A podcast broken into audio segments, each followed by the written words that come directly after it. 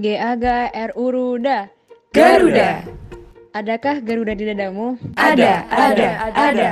Halo semuanya, balik lagi di podcast Garuda episode ke-7 Kali ini kita akan membahas seputar percovidan nih Nah kita kebetulan kedatangan salah satu narasumber yang punya pengalaman uh, terpapar covid sebelumnya Dan Alhamdulillah udah sembuh Boleh dong Bang Hilal kenalin siapa sih narasumber kita pada episode kali ini? Nah, siapa sih sebenarnya narasumber pembicara kita yang bakal ngomongin tentang COVID sekarang ini di episode 7? Jadi, kita kedatangan uh, narasumber salah satu admin PPI Malaysia nih, ada Farin. Halo Farin. Halo. Jadi Farin, alhamdulillah udah sembuh ya Rin dari dari COVID-nya kemarin. Iya. Uh, dan mau bersedia buat cerita pengalamannya ke teman-teman semua. Boleh deh, kita lanjut aja ke Yasmin. Oke, nah kan uh, aku pengen tahu nih, bukan aku doang sih kayaknya. Yang denger ini pengen tahu juga, yang denger podcast ini pengen tahu. Afarin tuh tahu nggak sih kena di mana atau misalkan kayak penyebabnya tuh apa gitu? Boleh nggak diceritain? Uh, jadi kan uh, apa sih namanya? Uh, kebetulan tuh aku di rumah tiga kan. Aku, adik aku sama uh, orang tua aku, mama aku doang karena papa aku ker, uh, kerjanya di luar. Nah, uh, terus tuh mama aku karena mama aku juga kerja kan. Jadi awal kenanya karena uh, di kantor mama aku tuh satu ruangan itu semua udah kena covid gitu. Hmm. Jadi kayak dari awalnya klaster apa ya klaster kantor ya. ya. Jadi ke rumah jadi jatuhnya klaster keluarga juga. Jadi awal kenanya karena ya terpapar dari orang tua gitu. Oh, hmm. Jadi klaster keluarga ya jatuhnya kena di rumah sendiri gitu ya? Iya kena di rumah sendiri bener. Uh, ngomongin tentang gejala sama apa ya pantangan-pantangan yang harus dihadapin gitu. Kan banyak orang nih uh, gejala-gejala yang dialami orang-orang beda-beda tuh katanya ada yang berat karena punya iya, iya, penyakit bawaan atau gimana? Kalau Farin gimana? Hmm, uh, gue ngerasa uh, mungkin gejalanya termasuk berat gitu ya karena kalau gue lihat dari gejala yang dialamin sama nyokap gue tuh dia gejalanya beneran yang kayak ya udah cuman batuk udah deh. Terus dia nggak ngerasain apa apa lagi batuk pilek gitu doang. Sedangkan kalau gue mungkin karena gue ada penyakit bawaan juga jadi kalau gue menurut gue parahnya karena gue demam. Gue demam sampai 40 tuh gue searching sampai searching di Google demam yang normal tuh berapa itu nah, tinggi tau 40 tuh. Itu tinggi banget. Dan gue tuh langsung panik. Awalnya gue kayak ah ya udah gue demam biasa. Uh, jadi gue tuh dari awal gue terpapar kayaknya sampai gue positif tuh waktunya cepet banget gitu loh. Nggak yang hmm. kayak oh lama banget gitu enggak jadi gue hmm. langsung demam. Pokoknya gue demam 39 nih malam ini misalnya. Gue searching di Google 39 tuh udah harus ke dokter. Karena udah hmm. udah termasuk kayak apa ya harus udah parah gitu lah sedangkan yeah. pas gue cek besok paginya gue udah 40 oh gue ngerasa oh udah parah banget nih. Langsung swab lah gue. Dan pas swab pun gue langsung positif. Jadi mm. termasuk parah juga sih kak. Terus selain demam pun gue demam sakit badan yang linu-linu tulang itu. Mm. terus gue batuk juga pilek. Cuman gue nggak ngerasain gak bisa apa nggak bisa ngerasain makanan gitu gue nggak. Terus gue masih bisa nyium juga itu okay. sih nah terus tadi kan berarti Kak Farin termasuk ini ya gejalanya kan berat banget dan hmm. karena 40 anak kecil tuh bisa sampai kejang-kejang tau kalau iya iya 40 boleh nggak kasih tips ala Kak Farin kayak survive selama proses sembuh COVID gini loh. Maksudnya ya walaupun proses sembuh orang kan beda-beda ya, tapi kan siapa tahu apa yang Kak Farin share tuh bisa teman-teman lakuin juga di rumah gitu uh, apa ya pa paling penting sih kayaknya uh, kalau emang misalnya gejala kamu gak parah nih ya udah berkegiatan aja kayak olahraga. Soalnya kayak olahraga tuh ternyata bagus banget juga. Kalau emang kamu masih bisa olahraga udah olahraga aja. Itu bagus banget buat ningkatin kayak imun juga kan. Mm-hmm. terus tidur yang cukup sih. Mungkin kalau emang kamu bisa tidur kalau di kejadian eh di case aku tuh aku beneran tidur tuh semalam cuma ya udah sejam doang gitu. Jadi kan itu sebenarnya nggak bagus nggak sih ke imun kan? Mungkin yeah. sakit aja tuh tidur sejam udah pasti pusing banget kepala apalagi lagi sakit. Jadi hmm. mungkin tidur yang cukup terus eh, pola makan yang teratur. Kalau bisa ya kayak normal aja. Terus paling penting jemur juga sih tiap pagi. Itu sih. Oke. Intinya kayak bed rest, olahraga sama makan yang cukup gitu ya. iya makan yang cukup Terus eh, kalau boleh tahu lu kemarin berapa berapa lama Rin? Eh, gue pas banget 14 hari 14 hari 2 minggu ya, berarti pas 2 minggu. Hmm. pas banget mungkin nggak tahu sih tapi gue kayak gue emang baru swabnya setelah gue 14 hari Oh tapi gitu. mungkin nggak tahu juga kalau swab, dari sebelum 14 hari itu kayak gimana hasilnya Oh jadi mungkin aja sebelum 14 hari juga udah udah negatif gitu ya. Mm, Dan mungkin itu udah udah termasuk cepet. Terus gimana sih Iya, kalau ada tips supaya cepet sembuh dari COVID ini? Eh, tips supaya cepat sembuh makan makan yang banyak. Karena kan covid tuh nggak ada larangan makan kan. Maksudnya nggak Hmm. ada kayak kalau sakit ini nggak boleh makan ini nggak boleh makan itu. Enggak sih kalau Diet dulu sih. eh, eh, makan. Makan biar imunnya juga naik.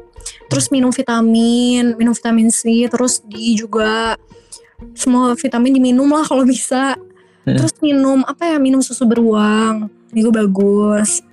Makan makanan bu buah kayaknya sih banyakin makan buah kalau emang gak suka buah paksain aja terus makan sayur pokoknya pola makannya sih diatur terus pastiin makanannya tuh yang masuk bergizi lah jadi imun tubuhnya naik Iya, iya. Kanan. Ih kayaknya Iya benar. Jangan dibawa stres ya. Kalau Iya, kena jangan dibawa kalau stres. positif. karena Terus ini eh, eh, karena kalau menurut gue stres tuh kayak bikin imun lo turun sih karena awal gue Hmm. covid kan gue stres karena gue termasuk maksudnya gue bandingin sama teman-teman gue nih gue termasuk yang prokes banget gitu bahkan Hmm. temen dekat gue yang gak prokes aja tuh dia masih negatif itu kan stres kayak aduh kenapa gitu jadi Hmm. mungkin drop karena itu sih gitu sih Oke, itu tadi kan lu sebutin juga kan si minum susu Apa? beruang sama obat-obatan lain tuh. Mm. Ini susu beruang nih lagi rame banget nih kemarin apa sampai habis di mana-mana di Indonesia. iya Ada panic buying susu beruang itu beneran atau gimana? Kalau di lu?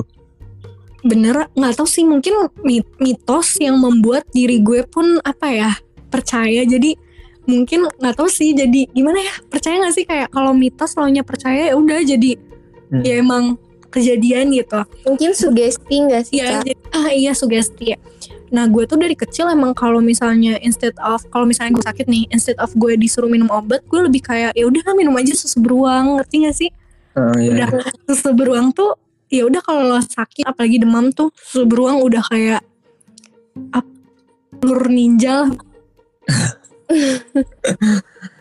Tapi berarti eh, kalau obat-obatan lu eh, ikutin saran dari dokter semua gitu ya? nah gue kebetulan eh, waktu gue apa sih namanya waktu gue positif gue emang di yang dokter langganan gue jadi dia udah kayak ada mungkin ada rekap medisnya gitu loh jadi Hmm. gue langsung konsul setelah gue tahu konsulin obat-obatnya juga karena kan gue harus nanya ya maksudnya ini karena gue ada bawaan gue harus nanya baiknya tuh gue gimana gitu Mm-mm. Mm-mm. Oh iya, kalau di antara kalian ada nggak nih yang pernah kena atau keluarganya pernah kena gitu? Hmm, Terpapar mungkin dari aku dulu kali ya. Keluarga Hmm. aku tahun lalu terpapar COVID satu keluarga. Mungkin bisa bisa dibilang satu keluarga besar kali ya di bulan September. Tapi kecuali aku doang gitu. Sama banget, sama banget sama gue. Eh sama kayak Yasmin juga, gue sa- satu-satunya yang eh nggak satu-satunya sih. Gue nggak kena covid. Eh eh, bokap, nyokap sama adik gue kena covid di bulan sama tahun lalu juga di di November tahun lalu. Terus Beda kalau- dua bulan berarti ya. Iya beda dua bulan dan masih kayak tegang-tegangnya covid awal covid juga masuknya ya. Bener-bener. Iya. Kalau Yasmin gimana nih setelah dengar eh, keluarganya positif dan lu sendiri negatif gitu loh maksudnya? Itu gimana? Eh, Oke, jadi pas awal tahu positif tuh awalnya tuh mamaku kan positif karena dia kan kerja di Kemenkes terus waktu itu dia juga nganterin apa mahasiswanya eh, PKL di rumah sakit Pertamina jadi mau nggak mau dia ya kayaknya terkenanya tuh di rumah sakit itu. Nah terus eh, kan dibawalah ke rumah. Aku nggak tahu antara mamaku ngebawa virus ke rumah atau enggak. Tapi selang satu hari setelah mamaku itu uh, positif papaku tuh mau ngajar kebetulan ngajar di uh, Universitas Pertahanan yang di mana kan itu kan boarding school ya. Jadi dosennya itu wajib PC apa antigen setiap hari gitu sebelum Hmm. ngajar. Pas mau antigen papaku tuh lagi mau nganterin adik aku yang kedua ngambil cap tiga jari. Apa sih kayak uh, simulasi gitu deh ke sekolahnya Mm-mm. sama adik aku yang kecil kebetulan lagi libur juga kan jadi ya udah tuh satu mobil itu bareng supir aku papa aku adik aku sama adik aku yang kecil yang cowok Hmm. pas uh, mau masuk kan berarti semuanya harus di antigen dong karena kan mereka ketat banget kan uh, apa ya uh, prokesnya ya. prokesnya ketat banget iya. Karena kan itu boarding school dan gak sembarang orang bisa masuk. Jadi harus antigen semuanya.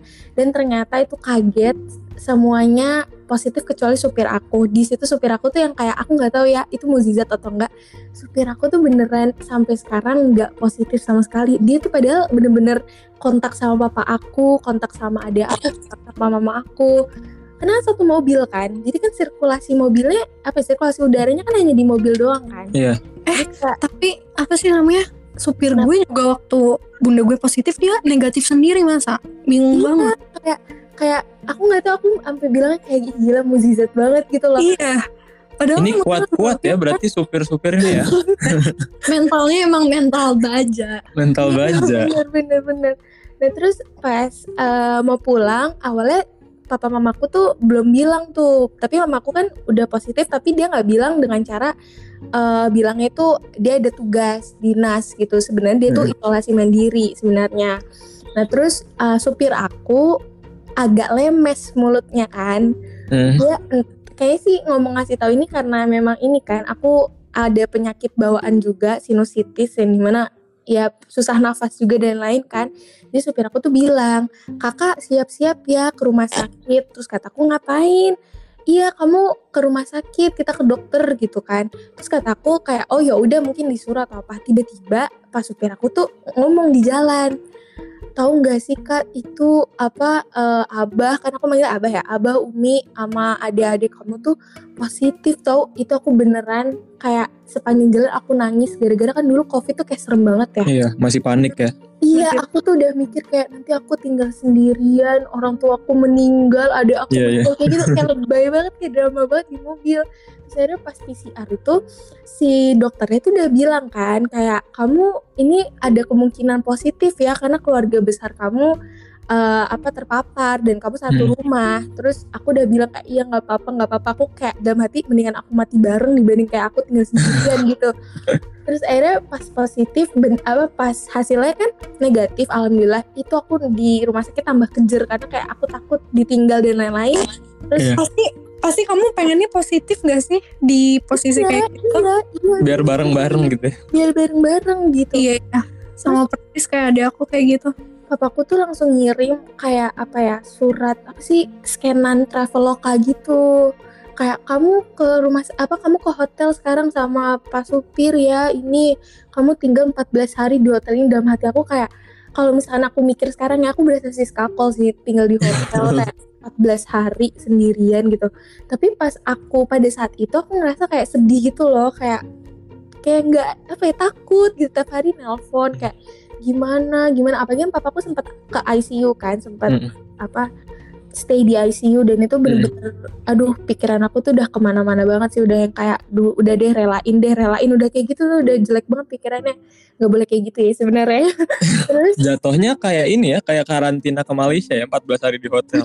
Bener bener bener. Mahal banget kan tuh. Iya ya udah pokoknya pas 14 hari pulang-pulang alhamdulillah semua udah sembuh. Setelah aku 14 hari keluar dari apa hotel Uh, tapi tinggal papaku karena papaku cukup lama berapa ya? hampir satu bulan tapi nggak sebulan sih 20-an hari gitu. Nah setelah aku maksudnya setelah semuanya negatif di rumah aku tuh bener-bener parno banget sih semuanya. Jadi misalkan papaku habis kerja hari Senin itu Hmm. 14 hari ke depan itu papaku pakai masker dan nggak keluar kamar jadi lebih aware sama lebih ketat lagi ya. Bener bener bener proteksinya. Bener tadi kan bang Hila bilang kenapa bisa nggak terpapar. Mm-mm. kenapa tuh? Aduh aku sendiri uh, memegang prinsip apa yang kita makan akan balik ke tubuh. Jadi keren. Ayo vegan. Ayo Dan ayo juga. vegannya di ini bilang- lagi ya dipromosiin lagi. Aduh. Aku nggak Kalau bilang. kalian tahu ya jadi sob vegan.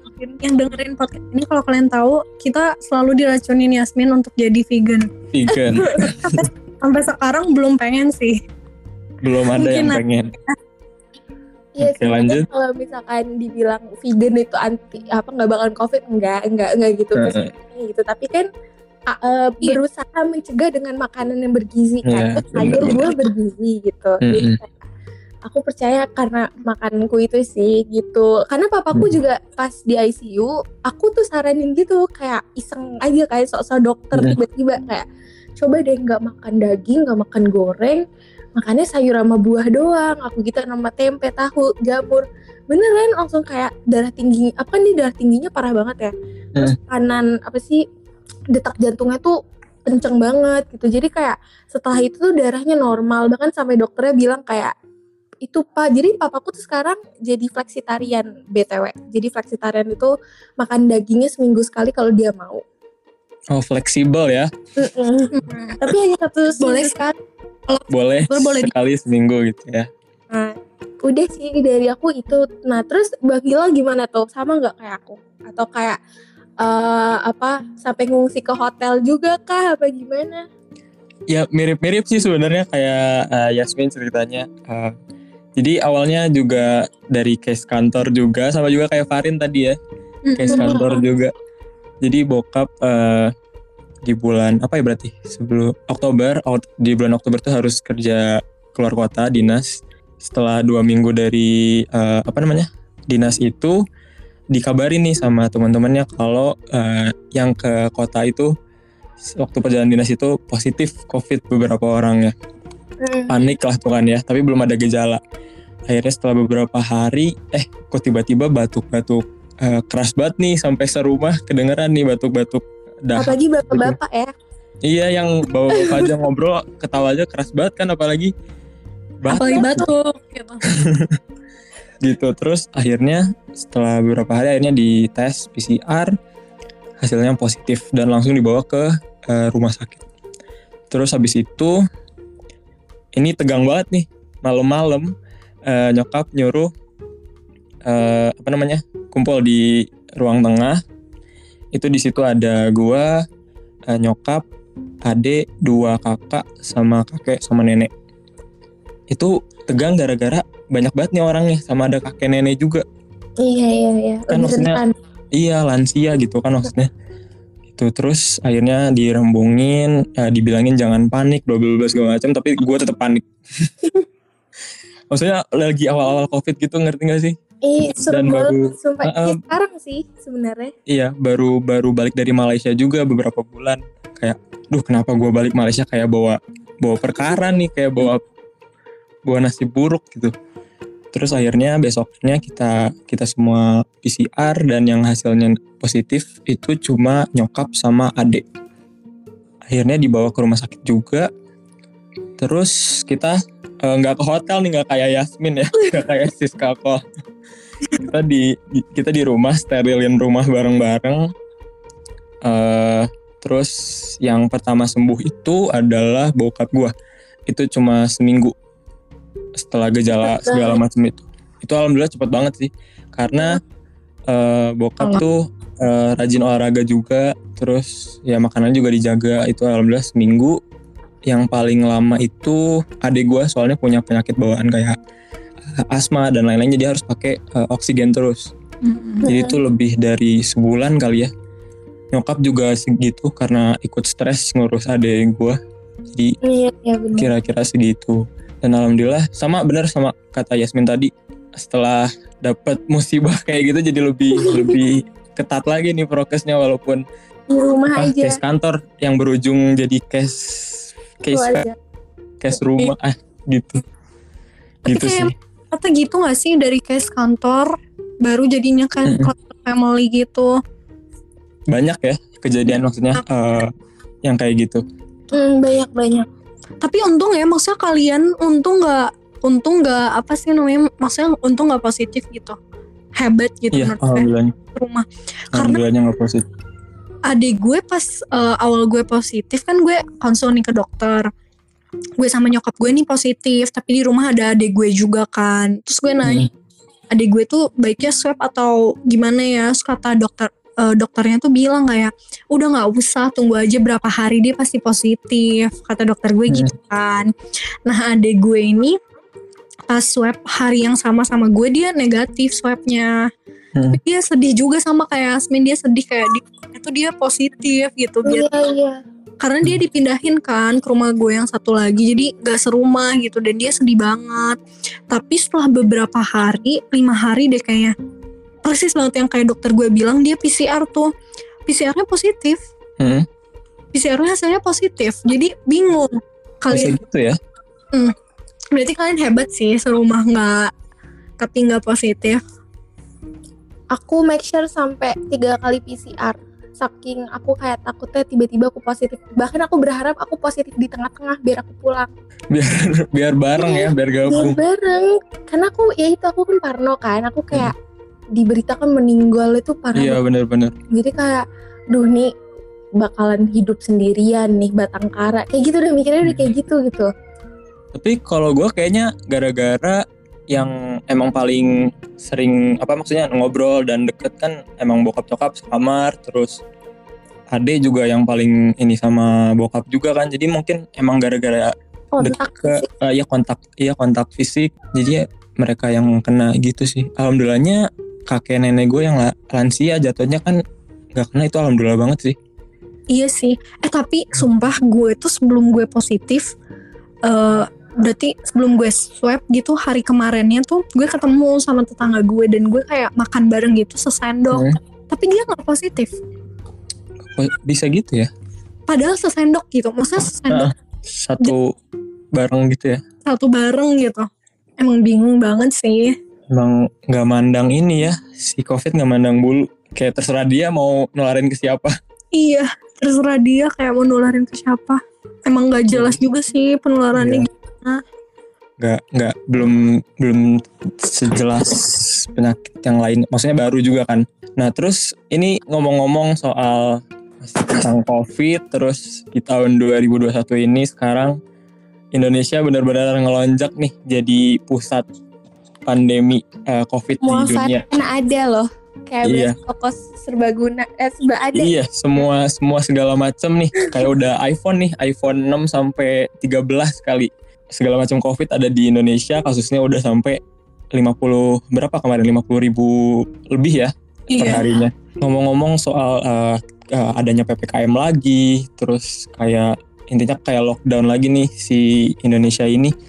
Kita kayak throwback lagi ya ke Maret 2020 waktu awal-awal Covid gak sih? Iya. kayak masih tegang-tegangnya. Terus kalau berita-berita yang muncul eh, sekarang kan banyak banget nih. Kayak dari segala macam berita tiap hari, tiap menit, tiap detik tuh pasti ada muncul terus COVID. Itu bikin kalian takut gak sih? Jujur takut-takut. Gimana tuh? Kalau nanggepin si berita-berita kayak gitu. Jujur karena gue tipenya, maksudnya gue nggak baca berita juga gue udah parno. Jadi mending gue nggak usah baca sih. Oh jadi lu mending eh, cari konten-konten lain di TikTok gitu ya? Iya. Menghibur lu. Konten-konten. Tapi mungkin kalau misalnya emang lo tipe yang bodo amatan gitu, lo Hmm. baca sih harus biar lo lebih Iya. aware. Mm, mm, mm, mm, bener. Yasmin gimana Yasmin? Eh, kalau aku sendiri awalnya takut ya, cuma kan jurusan aku belajar seputar COVID juga kan. Oh iya benar. kemarin semester satu liburan itu, maksudnya liburan semester break tuh aku kayak sama dosen aku tuh sebenarnya dosen aku bikin suatu acara gitu yang di mana kayak eh, UKM itu mewakili jurusan aku tuh mewakili semua jurusan yang ada di universitas di Malaysia gitu. Hmm. Nah itu tuh kayak aware tentang COVID gitu. Nah setelah dijelasin sama dosen aku tuh, aku jadi yang agak gimana ya? Kalau misalnya awalnya takut banget, jadi yang kayak bukan bodoh amat juga sih, tapi lebih yang kayak eh, balik lagi ke pribadi masing-masing sih. Karena Hmm. do- dosen aku bilang kayak percuma adanya berita mau dikor-korin kayak gimana pun, tapi kalau misalkan masyarakat atau pribadinya masing-masing masih nggak aware tuh nggak bakalan mempan juga gitu loh. Jadi Bener, kayak bener. dari situ aku kayak mikir kayak oke berarti kayak nggak boleh parno gitu parno mungkin ada cuma dulu tuh parno banget aku tuh kayak aku tuh sampai nggak mau beli makanan yang di luar misalkan eh, aku misalkan papaku ulang tahun gitu kita makan makan di luar aku sendiri nggak ikut aku di rumah kayak saking Saking parnonya ya. Heeh, heeh, bener-bener saking parnonya gitu. Hmm. Jadi kayak menurut aku sih semenjak aku belajar dan semenjak aku mengerti soal COVID ini, aku merasa kayak bukannya COVID menggambarkan COVID ya awas. Ini baik banget soalnya menggambarkan COVID. Sebenarnya Hmm. COVID itu memang menyeramkan, cuma Iya. sebenarnya percuma pemerintah tuh bikin berita, tapi kalau eh, kitanya sendiri tuh nggak aware sama Hmm. diri kita masing-masing gitu loh. Bener. Nah kalau Bang Hilal sendiri takut nggak sama berita COVID yang ada? Eh, gue enggak sih soalnya udah udah biasa. Maksudnya memang udah ini udah berjalan kayak hampir 2 tahun. Mm-mm. Terus Udah mulai apa sih namanya? Me- apa ya?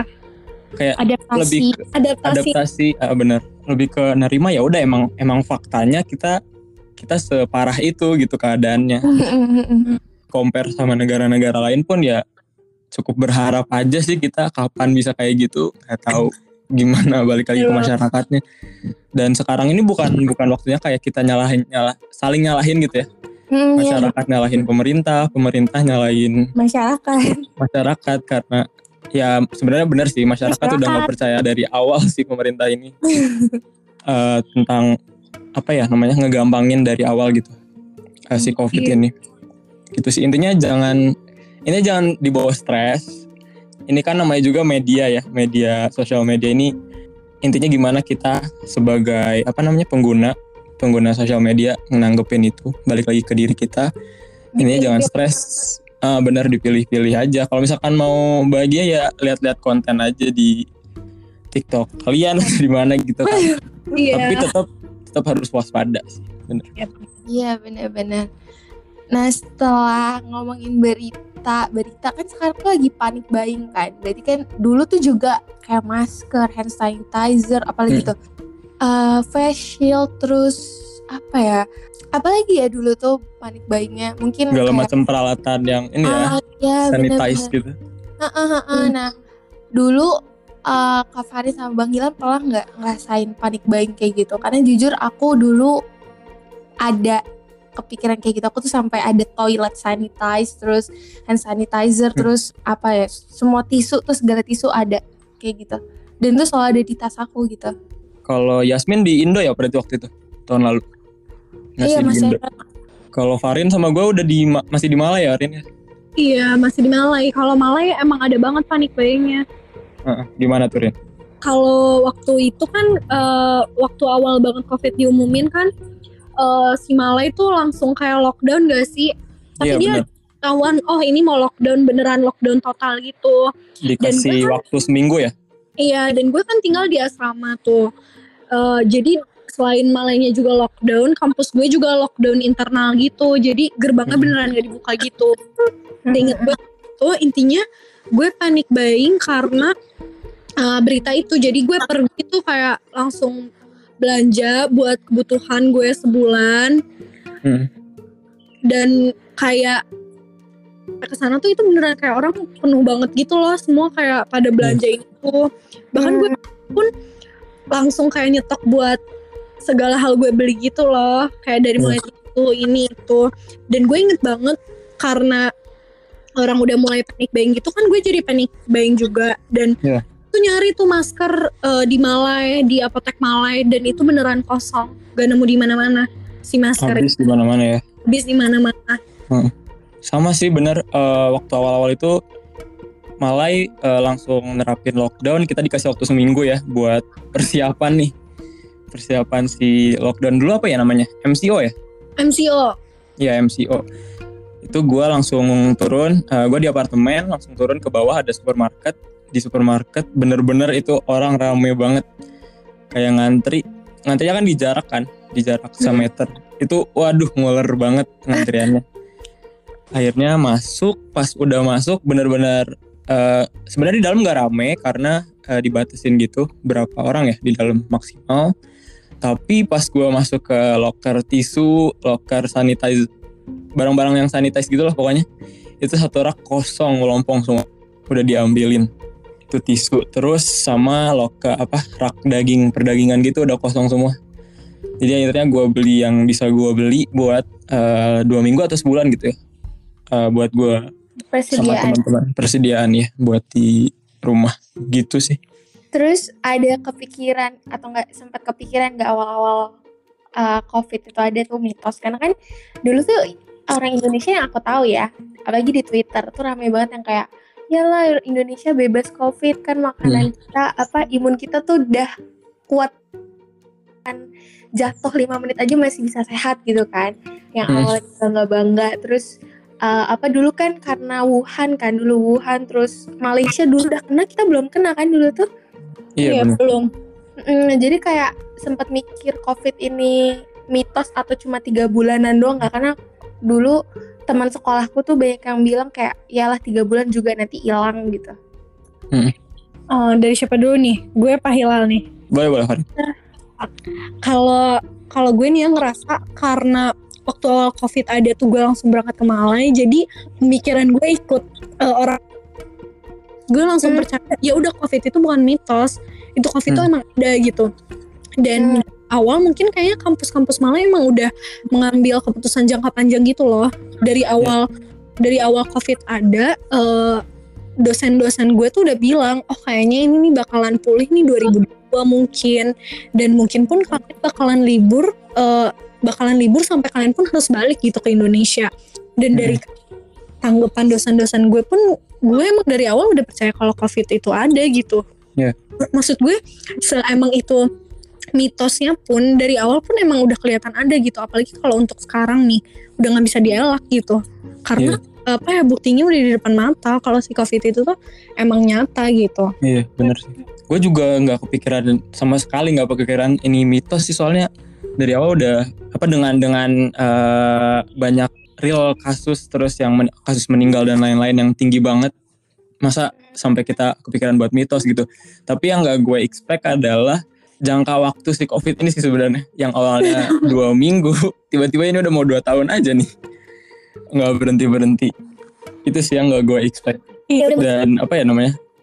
Nggak tahu sih gue nggak nggak nggak nggak masuk akal aja sama orang-orang yang nggak apa mikir si covid ini mitos gitu. Hmm, bener bener bener. Paling paling heran tuh gue sama orang yang mikirin teori ini itu apa? Ih te- lo tuh percayanya teori apa gitu.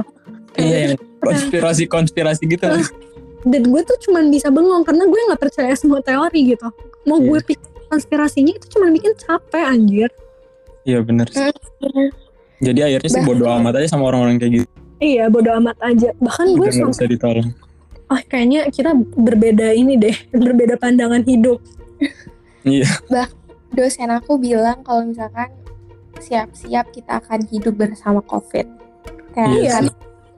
karena kayak ada virus. itu mutasi kan. Iya. Dan mau sampai kapan pun kalau virus mutasi tuh yang aku pelajari akan mutasi terus menerus Hmm. itu makanya kenapa wajib vaksin guys? Oh kayak iya udah pada vaksin belum nih? Iya itu benar. penting banget kalian buat vaksin. Harus harus vaksin. Mm, bener itu apa nyokap gue tuh kena suntik suntik kedua jadi Oh, maksudnya berarti dia udah suntik kedua dan dia tetap kena gitu. Cuman karena dia vaksin jadi gejalanya itu berkurang gitu. Jadi vaksin tuh bukan buat kayak ih kamu bakalan terhindar nih dari covid enggak, cuman Hmm. dia mau gejala yang bakalan dialamin gitu, dampaknya dikurangin lah gara-gara Hmm. vaksin. intinya sama kayak ini sih sama kayak vaksin vaksin penyakit lainnya juga bukan bukannya kita terhindar dari penyakit itu tapi meringankan gejalanya kalau misalkan kita kena iya bener gitu. Benar. jadi ayo Benar. vaksin guys dan apa pun vaksinnya ya yang tercepat yang lu dapetin itu yang paling bagus buat lu. iya bener bener bener semua Iya, vaksin bener jelek iya Duh, sampai ada orang mikir nanti divaksin jadi zombie. jadi titan Aduh. Ini dunia plat, apa Plants vs Zombie apa bagaimana? Apa yang gue pikirin kayak gitu coba. Ya ampun.